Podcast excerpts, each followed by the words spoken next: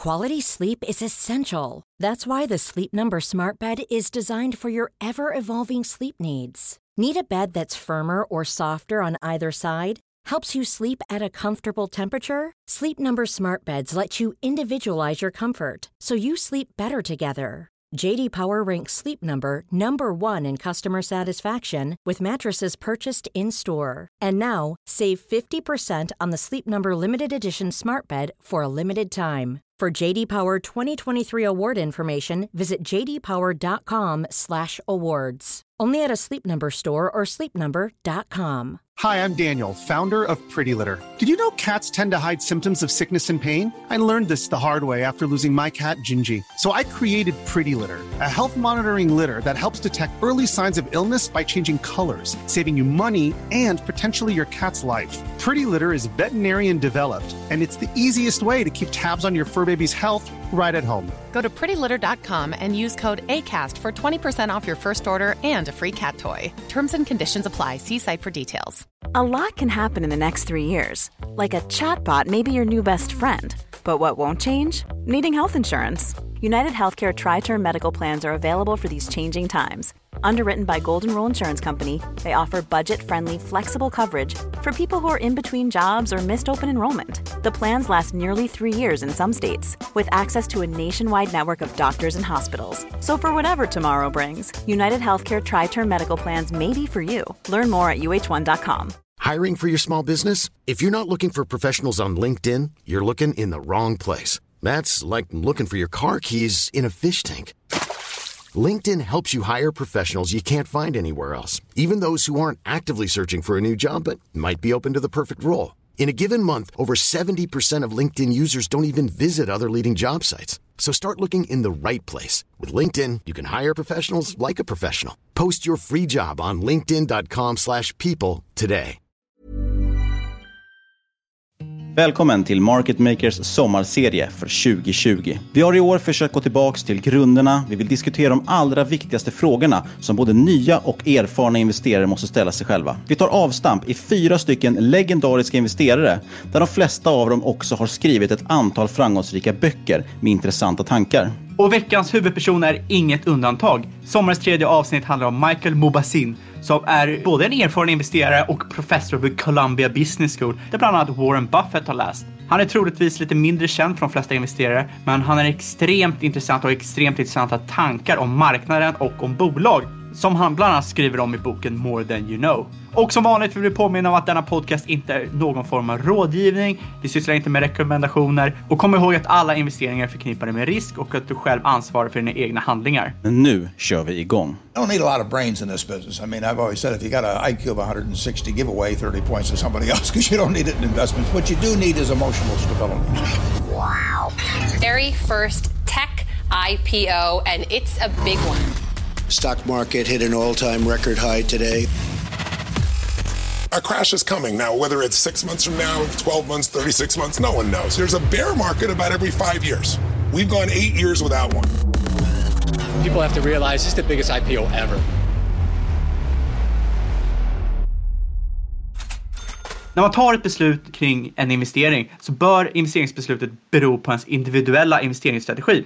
Men då kan man ställa sig frågan, hur får man ihop en bra investeringsstrategi? Eller vad är ens en bra investeringsstrategi? Oh, det här är ett av mina favoritämnen faktiskt. I egenskap av börspoddare så blir man ju såklart ofta tillfrågad om aktietips och, och, folk undrar om det har kommit en nyhet om en aktie de äger så vill de veta, ska man sälja eller behålla, vad ska man göra? Och problemet med den här typen av frågor är att de beror ju alltid på personens investeringsstrategi.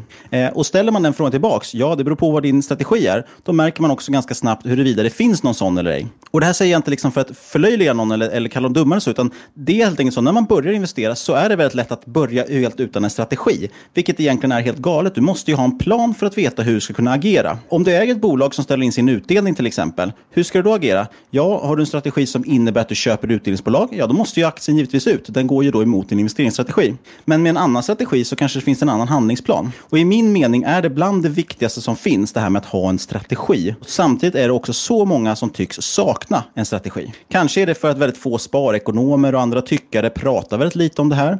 Investeringsstrategi är liksom i sig en hel sommarserie. Men väldigt, väldigt kortfattat så tycker jag man kan säga så här. Saknar du en strategi då? Läs då valfri bok, lyssna på den här podden, en blogg eller whatever och skissa ner någonting i alla fall. Eh, och det är helt okej okay att det är en dålig plan, det är helt okej okay att den är bristfällig. Alla börjar ju med en usel investeringsstrategi. Sen testar du den här, du utvärderar den, lär av dina misstag och vidareutvecklar och hittar någonting som passar dig. Men det är extremt viktigt och jag ser mycket hellre att man har en dålig investeringsstrategi än ingen alls. Men nu så ska vi prata då om vad en bra investeringsstrategi skulle kunna vara. Ja, och som vi återkommer till om och om igen, en bra investeringsstrategi beror mycket mer på temperament än högt IQ. Att vara tålmodig och flitig i sin investeringsprocess är bra mycket viktigare än att alltid få ett bra utfall. Faktum är att ett bra resultat inte nödvändigtvis betyder att din investeringsprocess och dina beslut är bra. Eh, på samma sätt som ett, ett dåligt utfall inte gör att din investeringsprocess är dålig.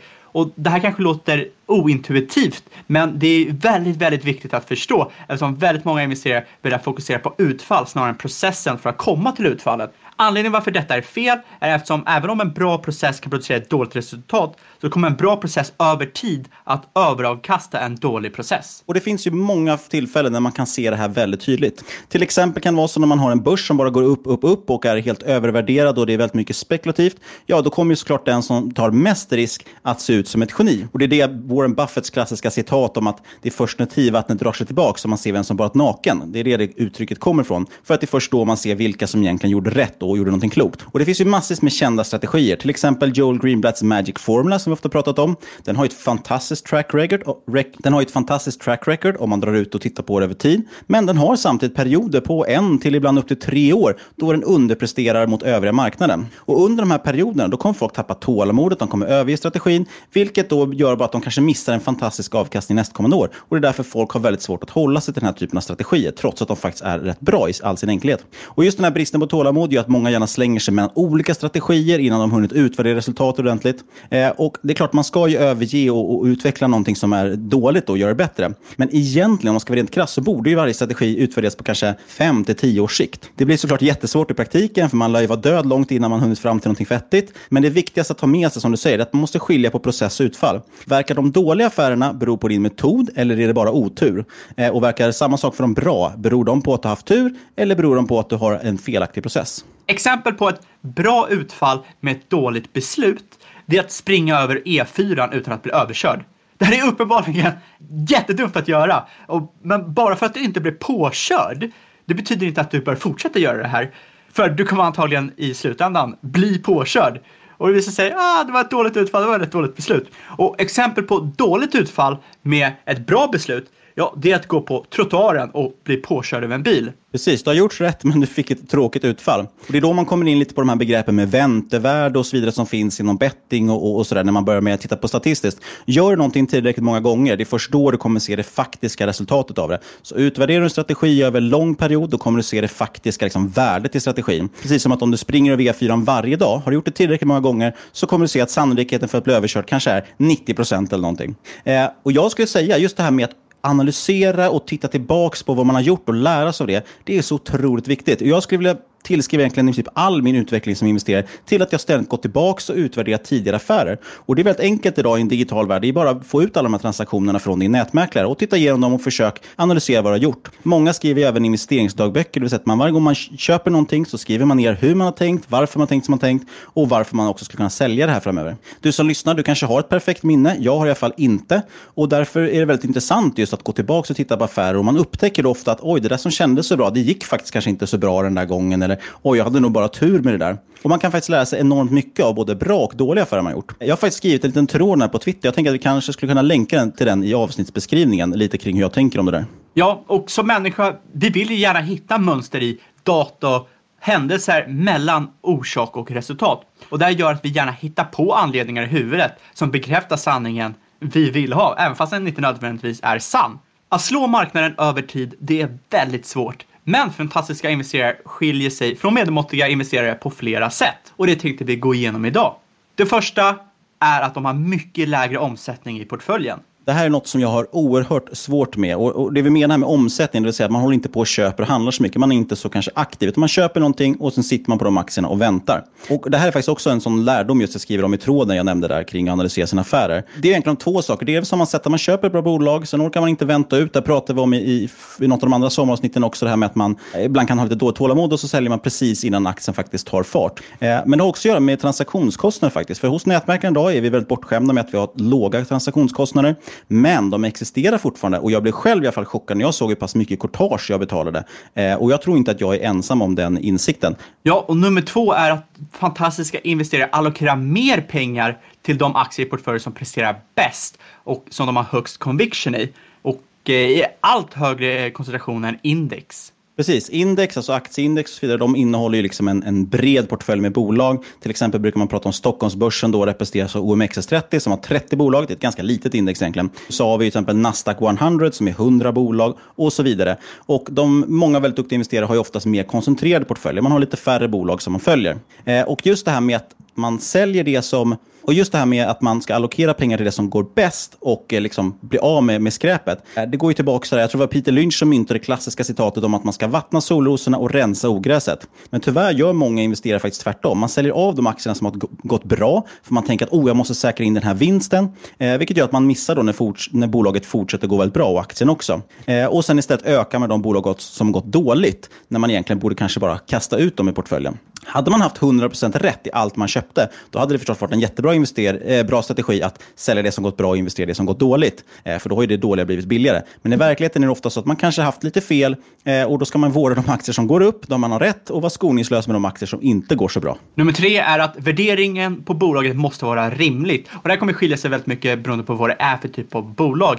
Ett moget bolag kommer vara, se billigare ut än ett tillväxtbolag. Men som sagt, det kommer alltid finnas tider då värdering har sprungit iväg. Det vill säga att du prissätter en tillväxt som inte kommer kunna hända. Eller som är väldigt orealistisk. Och Det finns förstås hundratals, om inte tusentals böcker som går igenom det här med värdering av aktier och det är verkligen ingen vetenskap. Nummer fyra i alla fall, det är att eh, de här investerarna ofta är baserade faktiskt utanför klassiska finansmäckor såsom New York, Boston, London och så vidare. Och då vill jag hävda att i Sverige tycks det ju vara Linköping som är the place to be med både market makers och kvalitetsaktiepodden på plats. Håller med. Och eh, du är ju där Spiltan kommer ifrån också. Så. Jajamän, du ser. Och eh, om, om Linköpings kommun lyssnar på det här så kommer fakturan senare på post.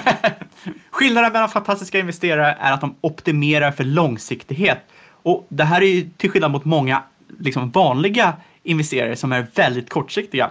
Fantastiska investerare kan helt bortse från vad som händer på börsen dag till dag. Det är förstås väldigt kul att logga in i, i appen och kolla sina innehav varje dag när de går upp.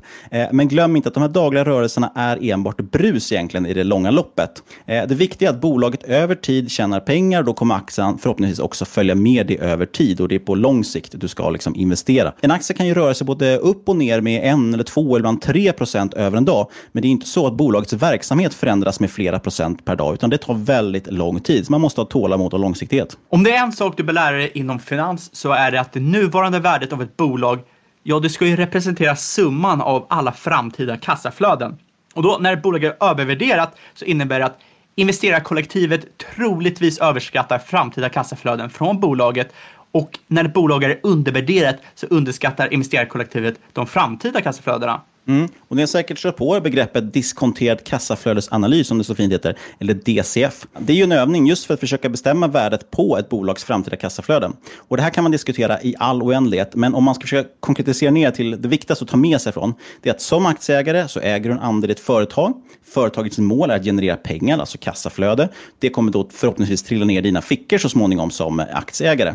Och Det andra är att pengar idag är mer värda än pengar imorgon. Och det är det som är då själva den här diskonteringen av kassaflödet. Man alltså lägger ett mindre värde på pengar längre fram. Och det är inte så konstigt. Du tar ju hellre en hundring idag än en hundring om tio år. Eh, när man gör beräkningen av de här diskonterade kassaflödena, alltså en sån här DCF-analys, ja, då kommer du få ut en siffra i slutändan som säger vad aktien är värd, till exempel 50 kronor. Och om aktien idag handlas för 100 kronor, ja då är den ju gravt övervärderad och handlas det till 25 kronor så kan du alltså köpa 50 kronor för halva priset och det är ju definitionen av en rea. Framtida kassaflöden, det är en produkt av hur stor företagets marknad är och tillväxtekonomi, det vill säga att kassaflöden bör skala med tillväxten i bolaget. Och den heliga graalen, det är en stor marknad med attraktiv tillväxtpotential. Men det är skillnad på bolag och bolag. Två olika bolag kan investera lika mycket pengar och ha samma avkastning på investeringar, men de finansiella resultaten kan se väldigt annorlunda ut. Fritt kassaflöde kan vara samma, men det sättet att komma dit kan vara väldigt annorlunda. Allt handlar egentligen om den avkastning du kan få på investerat kapital jämfört med kostnaden för det kapital du använder för att investera. Och det är inte så konstigt egentligen.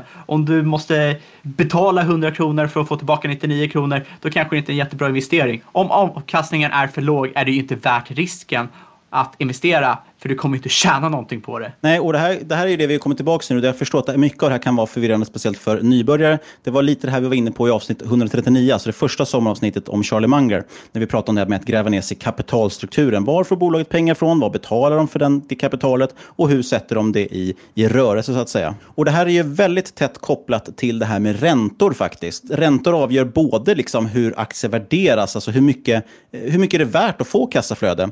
Är räntan väldigt låg, det som den är just nu, det vill säga du får inga pengar om du lägger pengar på ett sparkonto, ja då blir ju ett bolag som kan ge lite avkastning och utdelning värt mycket, mycket mer och, och får ett högre pris. Eh, men det påverkar också bolagens intjäningsförmåga just för att de kan låna pengar billigare och sätta dem i action.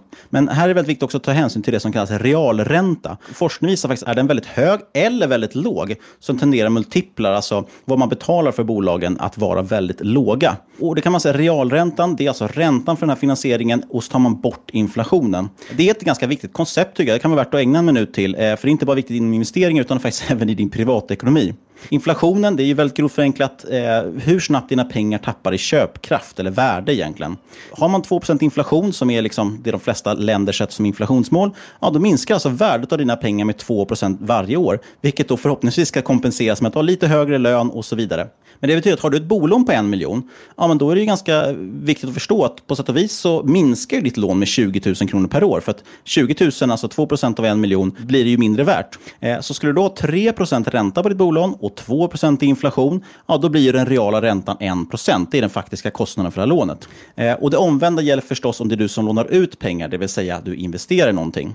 Tittar man tillbaka på börsen historiskt kan det också vara viktigt att ta med sig det här och, och ta hänsyn till inflation. För har vi perioder när börsen har gått upp väldigt mycket, ja, då är det också intressant att titta på. Oftast har inflationen varit väldigt hög också. Det kan ju se ut som en toppeninvestering att man, att man skulle köpt aktier för något år sedan här i Venezuela, när deras börs gick upp antal tusentals procent, om det inte var miljontals. Problemet var ju bara att inflationen var ännu högre. Det var ju miljontals procent i inflation, så kallad hyperinflation. Och det innebär alltså att du fick eh, en realränta, då, eller realavkastning, som var negativ. Så du, alltså, du hade egentligen mer Bolivar på kontot, men du kunde köpa mindre saker för dem. Och det är lite ett sidospår, men jag tycker det är ett viktigt koncept. Men det sa i alla fall, forskning det visar att när realräntan är väldigt hög eller väldigt låg, så tenderar multiplarna på bolag att vara låga. Man pratar ofta om multiplar, till exempel PE-talet eller PS-talet. PE står för price genom earnings, alltså du tar priset på aktien, delar med, med bolagets eh, vinst. Eh, och då får du ut hur många gånger årsvinsten betalar för att köpa den aktien. Och som högst är då multiplar när räntan är på en mellannivå.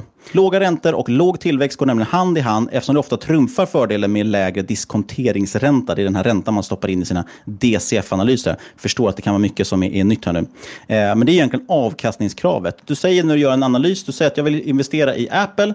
Eh, jag förväntar mig att de kommer ha en viss tillväxt varje år framöver. Eh, och då måste jag ju väga det mot min diskonteringsränta, det vill säga vad vill jag ha för avkastning? Vad vill jag ha för ränta för att det ska vara värt att investera?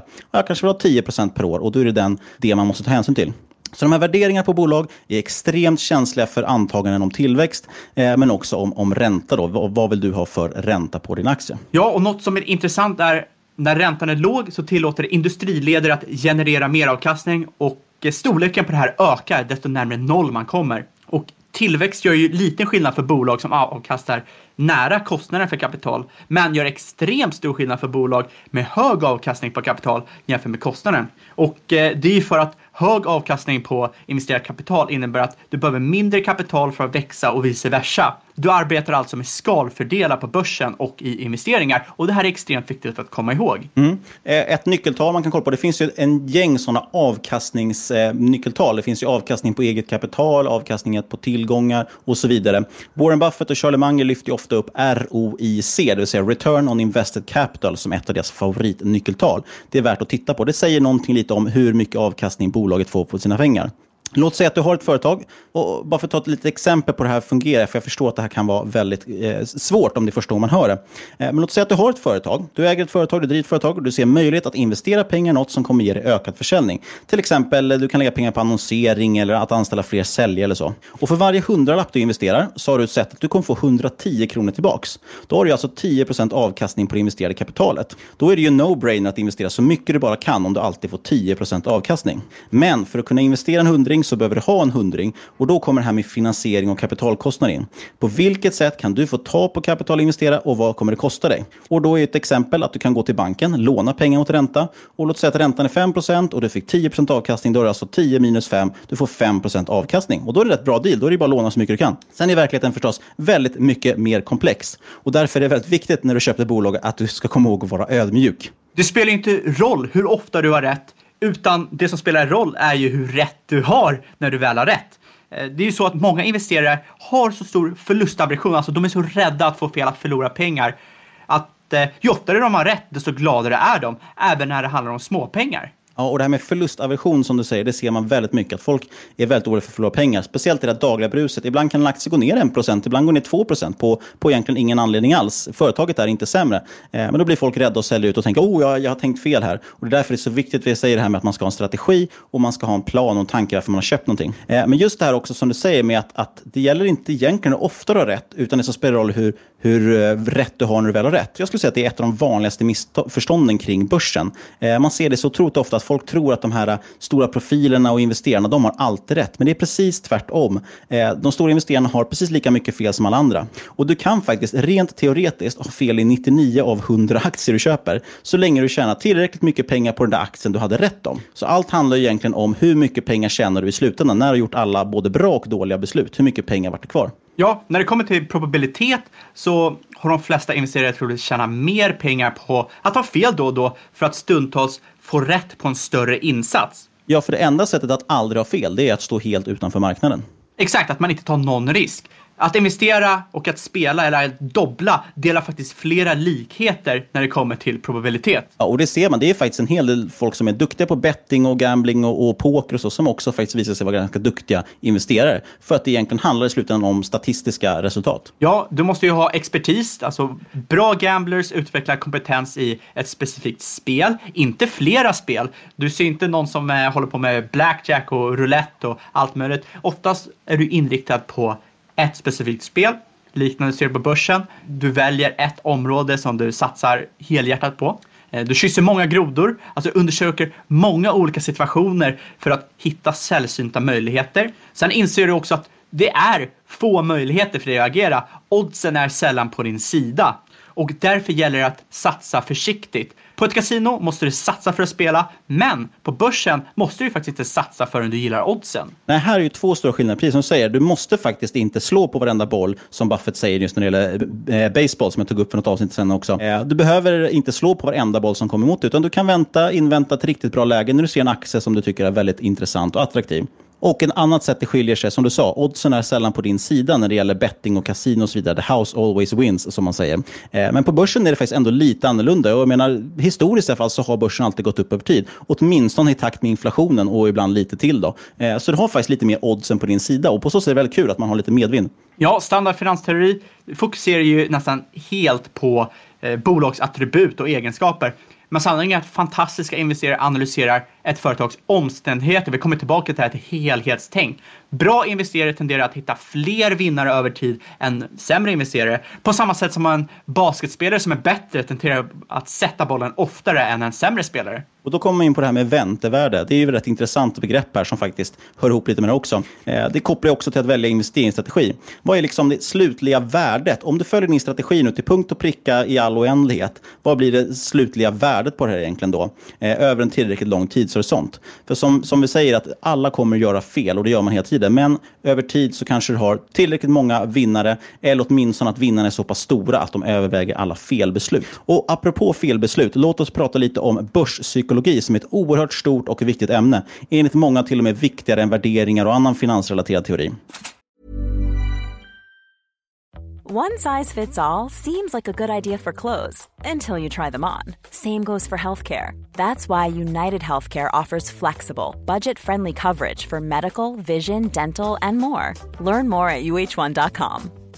Ready to pop the question? The jewelers at Bluenile.com have got sparkle down to a science with beautiful lab grown diamonds worthy of your most brilliant moments. Their lab grown diamonds are independently graded and guaranteed identical to natural diamonds, and they're ready to ship to your door. Go to Bluenile.com and use promo code LISTEN to get $50 off your purchase of $500 or more. That's code LISTEN at Bluenile.com for $50 off. Bluenile.com code LISTEN.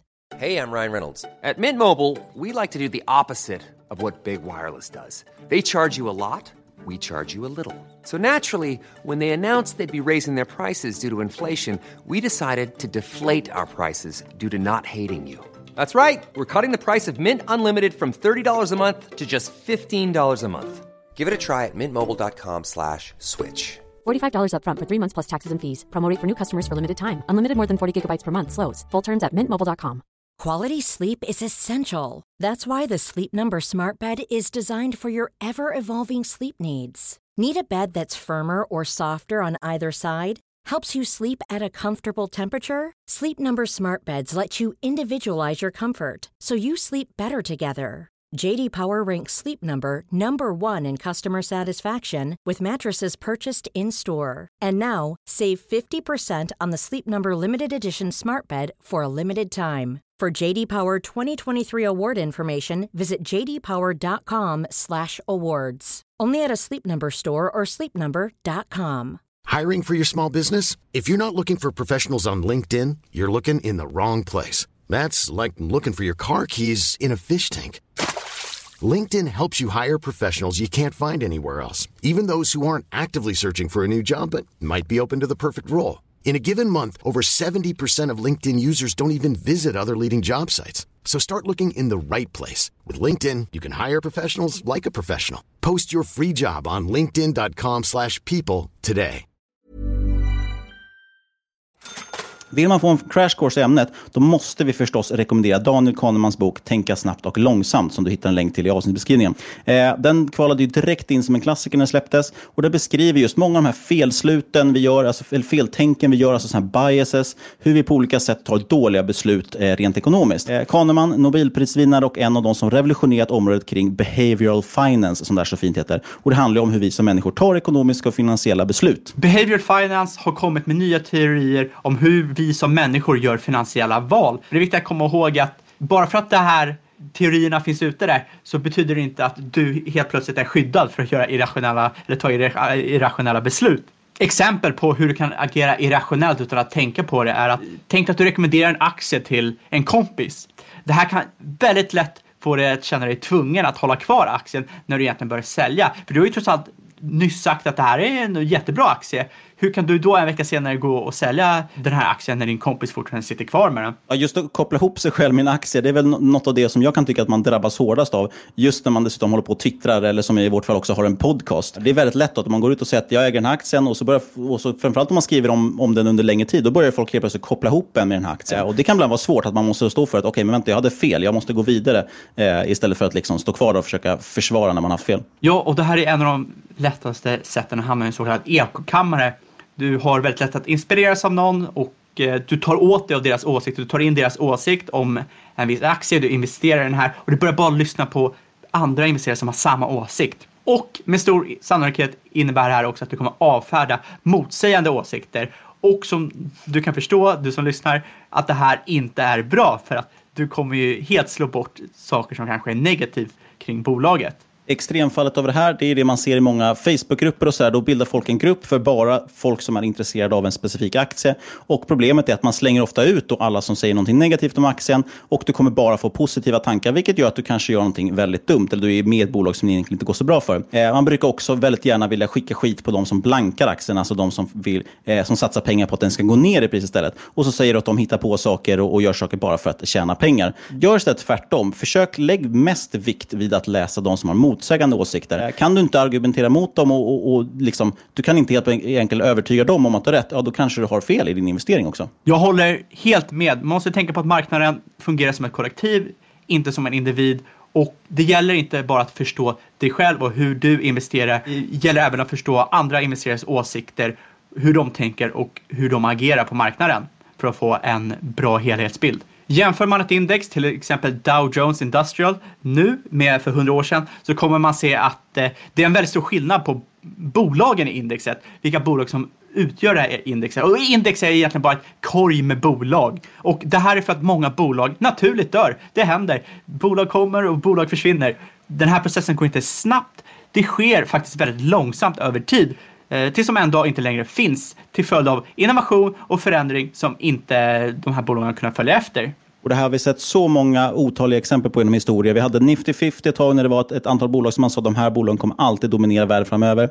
Just nu kan man väl argumentera att FANG är det stora, det vill säga Facebook, Amazon, eh, Alphabet, eh, Netflix och eh, Google och så vidare. Nu sa jag Alphabet och Google. Ni får leva med det. Eh, men det här är ju också faktiskt en av fördelarna egentligen med så kallade indexfonder. Det vill säga man köper en fond som helt passivt köper då ett sånt här index. Eh, för då drar man ju nytta av en sån här bias och en sån här fel, fel tänk, det vill säga survivorship bias. Du kommer automatiskt rensa ut de sämsta bolagen. De dör ju ut och försvinner ur det här indexet. Eh, och det är därför över tid man alltid ser att börsen faktiskt stiger. Det är ju för att det är bara de bra, välmående bolagen som kommer in i de här indexerna och gör att börsen tickar på uppåt, även fast många bolag i indexen har dött ut. Men det är ett stort, svårt ämne. Ja, apropå det här du sa om FANG-aktier. Ekonomen Paul Romer, han anser ju att dagens källa till ett rikt företag, det är de intellektuella resurserna. Medan det förr i tiden snarare handlar om de materiella resurserna. Innovation handlar idag mycket mer om att kunna förbättra och utveckla nya idéer snarare än att eh, bygga någonting. Och det är väl bara att kolla på Amazon och Alphabet och Facebook och Netflix det är ju intellektuella resurser om något. Och det här är extremt viktigt att ha koll på när du nu försöker se framtiden snarare än dåtiden. Om du kan hålla koll på hur framtida innovation ter sig i de här olika sektorerna du är intresserad av och om du kan studera hur marknaden reagerar på de här innovationerna kan det ge dig en rejäl edge på marknaden som fördel mot andra. Innovativa företag tenderar att ge högre avkastning på sikt, men innovationen varar inte för alltid. Precis som jag sa där med Nifty 50 kommer de här bolagen kanske till slut dö ut, tyvärr. Till slut kommer ett annat nyare företag till slut ta över den etablerade marknadsledaren och vara nya innovativa och heta aktien ett tag framåt och sen är det någon ytterligare som ersätter dem. Och majoriteten av den här avkastningen i den här typen av bolag kommer faktiskt de första fem åren. Eh, och de kommande 15 åren tenderar bolaget att gå som marknaden som helhet. Då kunde du lika gärna köpt en så kallad indexfond. Efter två decennier tenderar innovatören i, i sektorn att underprestera. Och det här gäller såklart inte alltid. Det här är ju en, en statistisk eh, syn på det hela. Men det är en rätt hyfsad approximation ändå. Och i det tidigare stadiet då, av, av det här så tenderar marknaden att undervärdera bolagets innovationsförmåga och tillväxt framgent. Eh, och i de senare stadierna så är det tvärtom. Då övervärderar man innovationen. För man tittar på historiken och säger kolla hur bra de har varit historiskt. Och som man inte bör vara för kortsiktig så bör det inte heller vara för långsiktig. Bill Gates sa det väldigt bra. Most people overestimate what they can do in one year and underestimate what they can do in ten years. Och det, på svenska betyder det helt enkelt, du tror att du kan komma mycket längre på ett år än vad du egentligen kan och underskatta hur långt du kan komma på tio år. Och det här finns ett jättetydligt exempel på. Om du idag tänker att det är väldigt lätt att tänka att nu jädrar ska jag ställa om mitt liv och jag ska göra det här och här och börja träna och det ena och andra. Eh, och så gör du tio situps och sen är du helt slut. Ja, du har inte gjort så himla stor skillnad på, på den här korta lilla tiden. Men om du fortsätter att göra det här varje dag, år ut och år in, så kommer du helt plötsligt stå där med en superkropp, likt min och Fabians. Exakt. Men du kan ju se det men det är viktigt att komma ihåg att du ska förhålla dig så här till marknaden också. Det är inte särskilt stor skillnad på de bolag som är bäst på börsen för ett år sedan och nu. Men tittar man tillbaka tio år så är det väldigt, väldigt stor skillnad.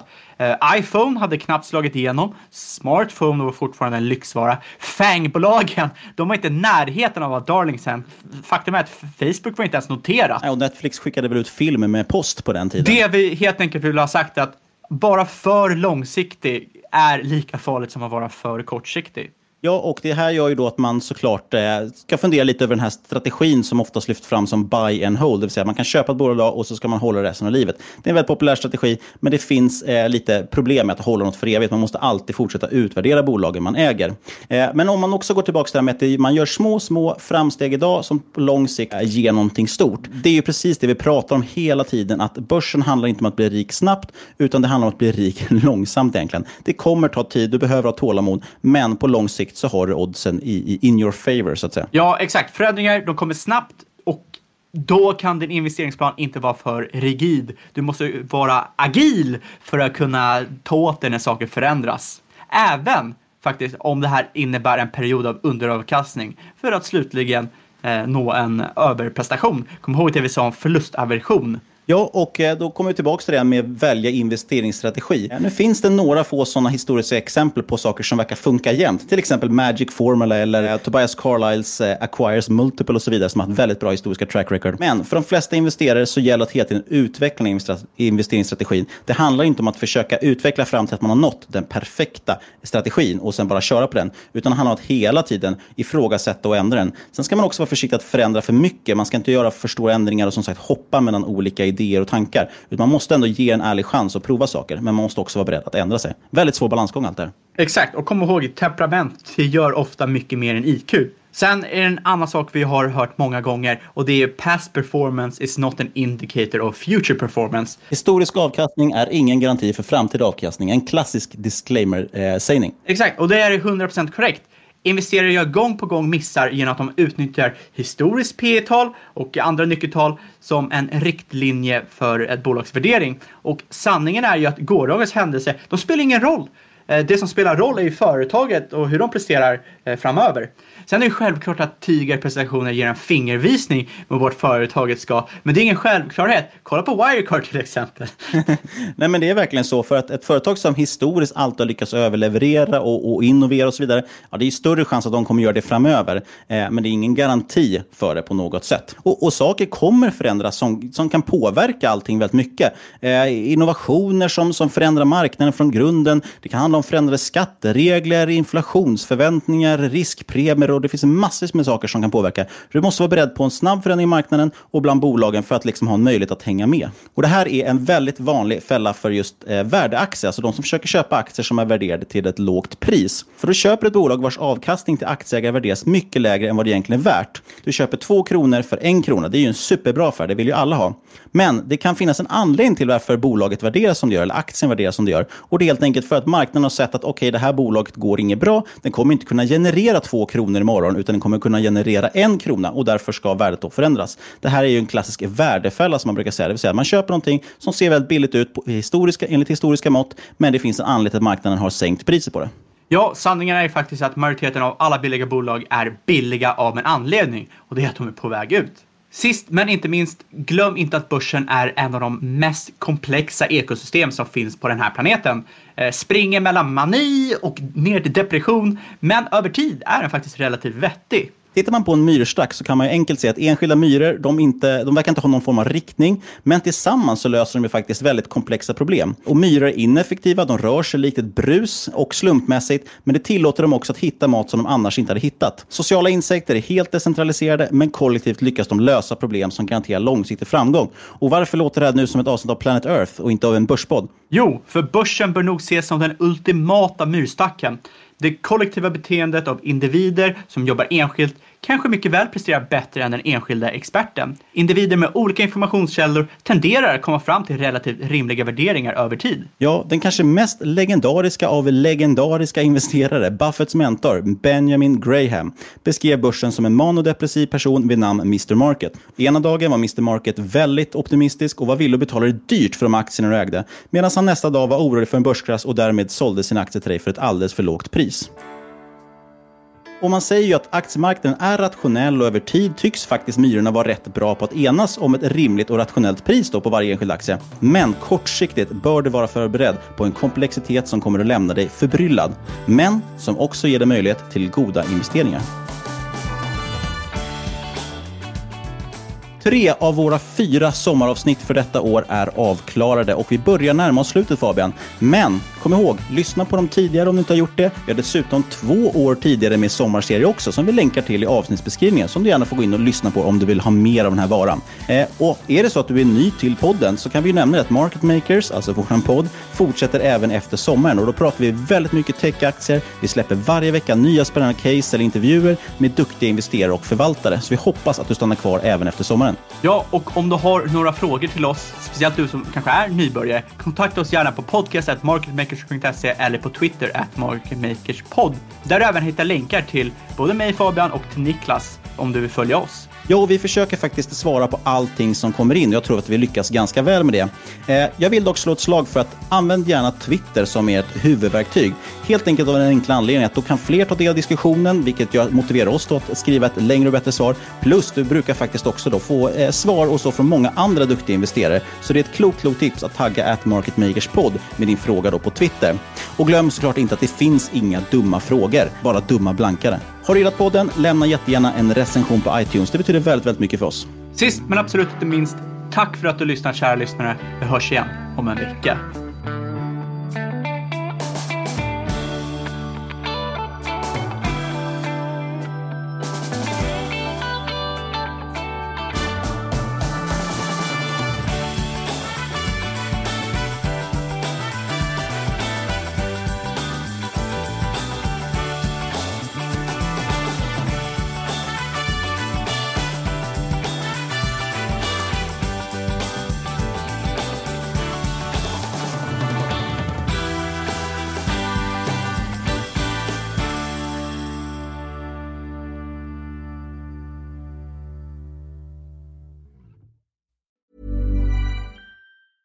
Hey, it's Danny Pellegrino from Everything Iconic. Ready to upgrade your style game without blowing your budget? Check out Quince. They've got all the good stuff shirts and polos, activewear, and fine leather goods, all at 50 to 80% less than other high end brands. And the best part? They're all about safe, ethical, and responsible manufacturing. Get that luxury vibe without the luxury price tag. Hit up quince.com slash upgrade for free shipping and 365 day returns on your next order. That's quince.com slash upgrade. Hi, I'm Daniel, founder of Pretty Litter. Cats and cat owners deserve better than any old fashioned litter. That's why I teamed up with scientists and veterinarians to create Pretty Litter. Its innovative crystal formula has superior odor control and weighs up to 80% less than clay litter. Pretty Litter even monitors health by changing colors to help detect early signs of potential illness. It's the world's smartest kitty litter. Go to prettylitter.com and use code ACAST for 20% off your first order and a free cat toy. Terms and conditions apply. See site for details. Mom deserves the best, and there's no better place to shop for Mother's Day than Whole Foods Market. They're your destination for unbeatable savings, from premium gifts to show-stopping flowers and irresistible desserts. Start by saving 33% with Prime on all body care and candles. Then get a 15-stem bunch of tulips for just $9.99 each with Prime. Round out Mom's menu with festive rosé, irresistible berry chantilly cake, and more special treats. Come celebrate Mother's Day at Whole Foods Market.